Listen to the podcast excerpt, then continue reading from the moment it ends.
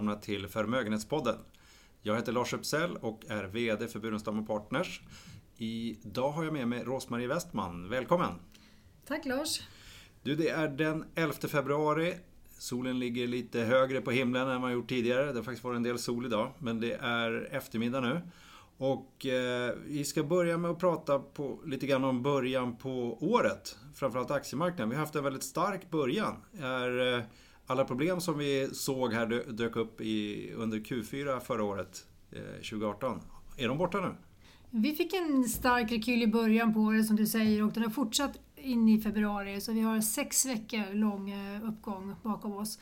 Och eh, talen börjar bli ganska höga. Vi har Stockholm och USA i lokala valutor på 8%. Eh, tittar vi på vad det blir i svenska kronor för, för amerikanska börsen så är det hela 13 För vi har en stor försvagning av kronan. Ehm, den var ju som allra svagast i september, eh, förlåt mig, i slutet av augusti innan vårt val, eh, riksdagsval i Sverige.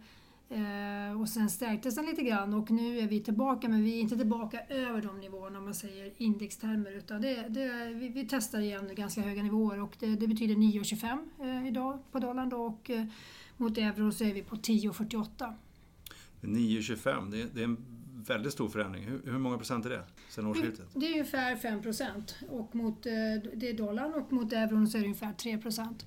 Och i indextermer så pratar vi om 2,5 procent eh, mm. mot alla handelsvägder. Men vad tror du då? Är problemen lösta nu, som vi ser där ute? Nej, det tror jag väl inte egentligen. Vi har ju handlat på att eh, Fed har backat. De ska inte höja har de sagt nu på ett tag. De har tagit en paus. Det var väldigt viktigt för, för eh, det kanske den enskilt viktigaste faktorn. Och sen har vi lite ljusning också i, i det här med handelsavtalen. Då. De, de pågår ju och det finns en deadline som är den första mars. Eh, för min del tror jag inte att det blir klart. Allt blir inte klart den första mars men det blir kanske en delseger som går att deklarera innan första mars. Och eh, det blir väl det här ändå varor och tjänster, den delen, framförallt varor skulle jag säga.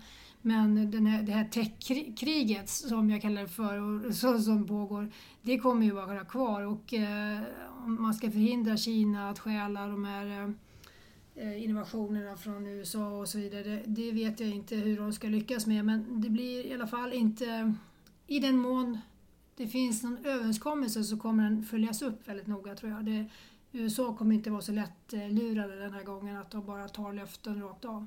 Tycker du de har varit lite lättlurade tidigare? Ja, det tycker jag. Jag tycker som de flesta andra att Kina har haft för bra villkor eh, när de klev in i WTO då, 2001.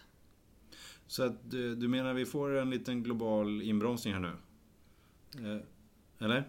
Ja, den är ganska tydlig. Den är tydlig i Kina och den är, har blivit än mer tydlig i Europa eh, de senaste veckorna. Det är eh, Tyskland eh, som är största ekonomin. Eh, har väldigt svag ekonomi här, både kvartal 3 och 4 och även, även eh, då Italien. Och sen har vi hela Brexit-molnet hängande över oss dessutom så att eh, tillväxten i eh, i Storbritannien blev ju då sammantaget för hela 18 blev 1,3 procent, 1,3-1,4 någonting. Och eh, det är klart, det är ganska låg. Eh, det är låg tillväxt när man inte ens har börjat eh, med själva utträdet ännu. Ja, just det. Men, men om det är en inbromsning i den globala ekonomin så brukar det väl gå över ganska snabbt? Ja, framförallt tror jag att man har vant sig vid att det går ganska fort. Om det inte är kopplat till en finanskris med mycket skuldnedskrivningar och sådär som berör banksystemet, då brukar det kanske vara några kvartal och sen hämtar det sig och man ser det då som en inbromsning ett år ett enskilt år och sen brukar hämta sig. Men eh, det är så det har varit. Vi har haft eh, en sån inbromsning då som energirelaterad eh, 15-16 och vi hade då den här skuldkrisen som i och för sig var lite kopplad till bankerna i eurozonen då 2011-2012. Men det gick att komma tillbaka ganska snabbt efter de inbromsningarna. Och, eh, nu vet vi inte hur det ser ut, det vet man ju aldrig. Men, mm. men vi kanske har ett mycket mer utdraget förlopp den här gången. Att vi har inte en snabb nedgång men vi kanske får istället en utdragen då, inbromsning. Som vi kan tyckas då kan behöva stimulera oss ut ur. Men eh, där tror jag det kan bli lite svårare att få igång de stimulanserna för att dels så är kanske inte nedgången tillräckligt brant för att det ska utlösa den aktiviteten. Och sen är vi upptagna av andra saker som jag nämnde med Brexit och eh, ja, man är helt enkelt ganska trött nu på tror jag, stimulanser. Vi har ju pratat om det ganska mycket genom åren, alltså centralbankernas eh, konstanta stimulans, stimulanser som har varit under så väldigt lång tid och ända sedan finanskrisen. Och vi, många länder har inte ens börjat avveckla. De har i, I några fall har de stoppat stimulanserna men de har inte börjat avveckla dem fullt ut. Just det. Men eh, om vi lämnar finans och penningpolitik och, och tittar lite mer på bolagen. Alltså, du brukar ändå prata om att det är eh, vinsttillväxten som är det viktiga att titta på. Eh, och det ser väl rätt så bra ut? Eller hur ser det ut? Ja, vi har en, en bra period bakom oss framförallt. Och, eh, vi backar tillbaka några år och tänker på vad som händer i marknaden då så hade vi ju en väldigt kraftig uppgång framförallt i USA 2017. Det var ju direkt efter man hade genomfört eh, eh, eller det var det året man genomförde skattesänkningarna och allting var på topp och då gick marknaden upp 30% Sen året efter, det är då 18, då får vi den här vinsttillväxten i USA som är då 25 procent eh, delvis på grund av skattesänkningarna. Så om man tittar i den backspegeln då så kan man ju säga att man fick uppgången ett år tidigare och eh, tittar vi på uppgången eller snarare då den uteblivna uppgången 2018 så kan ju den reflektera kanske den här inbromsningen i vinsttillväxten som kommer nu då 19 att vi får mer eller mindre nolltillväxt i företagsvinster. Så kan det bli i USA. Alla är inte inne på det spåret ännu men många är inne på det spåret att det kan bli negativ vinsttillväxt under första kvartalet om du jämför med första kvartalet och ett år tidigare och sen ska det långsamt stiga resterande delen av året och så kan det bli kanske några procent plus som helhet. Men eh, vi har ju ingen visibilitet hur det kommer att se ut och det har man ju oftast inte så här i början på året. Ja, just det. Så det blir viktigt att hänga med på vad i första kvartalet här på eh, Extra viktigt kanske med vinsttillväxten, vad den de facto blir sen för första kvartalet. Ja, det kan finnas också tillfälliga faktorer. Eh, vi har ju haft en stängning av myndigheterna i USA som kan ha påverkat lite grann. Och eh, vi har ju också det här hotet om höjda tullar som kan ha påverkat det fjärde kvartalet lite positivt, för man köpte saker och ting innan det inträffade. Så det är alltid svårt att sortera ut eh, på kort sikt vad som är engångseffekter och vad som är effekter som kommer att ligga kvar.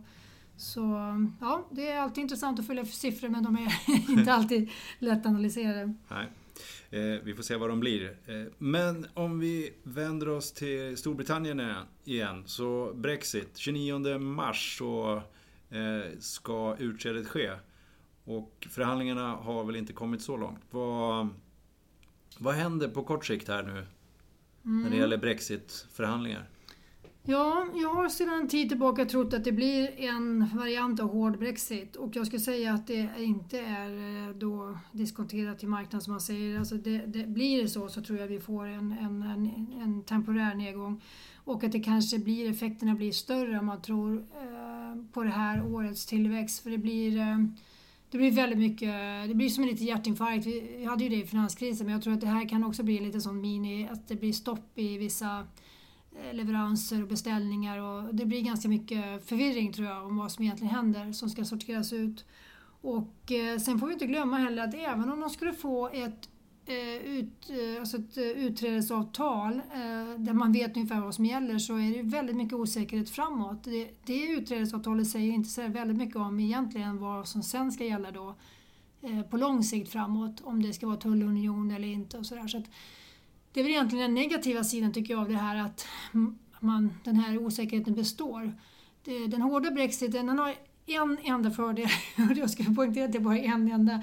Det är väl att det blir eh, på kort sikt ganska mycket kaos och, och, vad som gäller men å andra sidan vet man ju då att de börjar om från den här WTO handelstullarnivån och sen blir det något nytt eh, framåt. Men, men Eh, i den mån det då tar tid för att få ett nytt avtal, ja men då vet man i alla fall vad som gäller tills de har fått det. Alltså det, det är, de andra varianterna kanske blir mer gynnsamma på kort sikt men har ändå det momentet av osäkerhet på lång sikt. Så att, alltså inget utfall är riktigt bra nu. Jag ska säga att den tiden har redan gått förbi.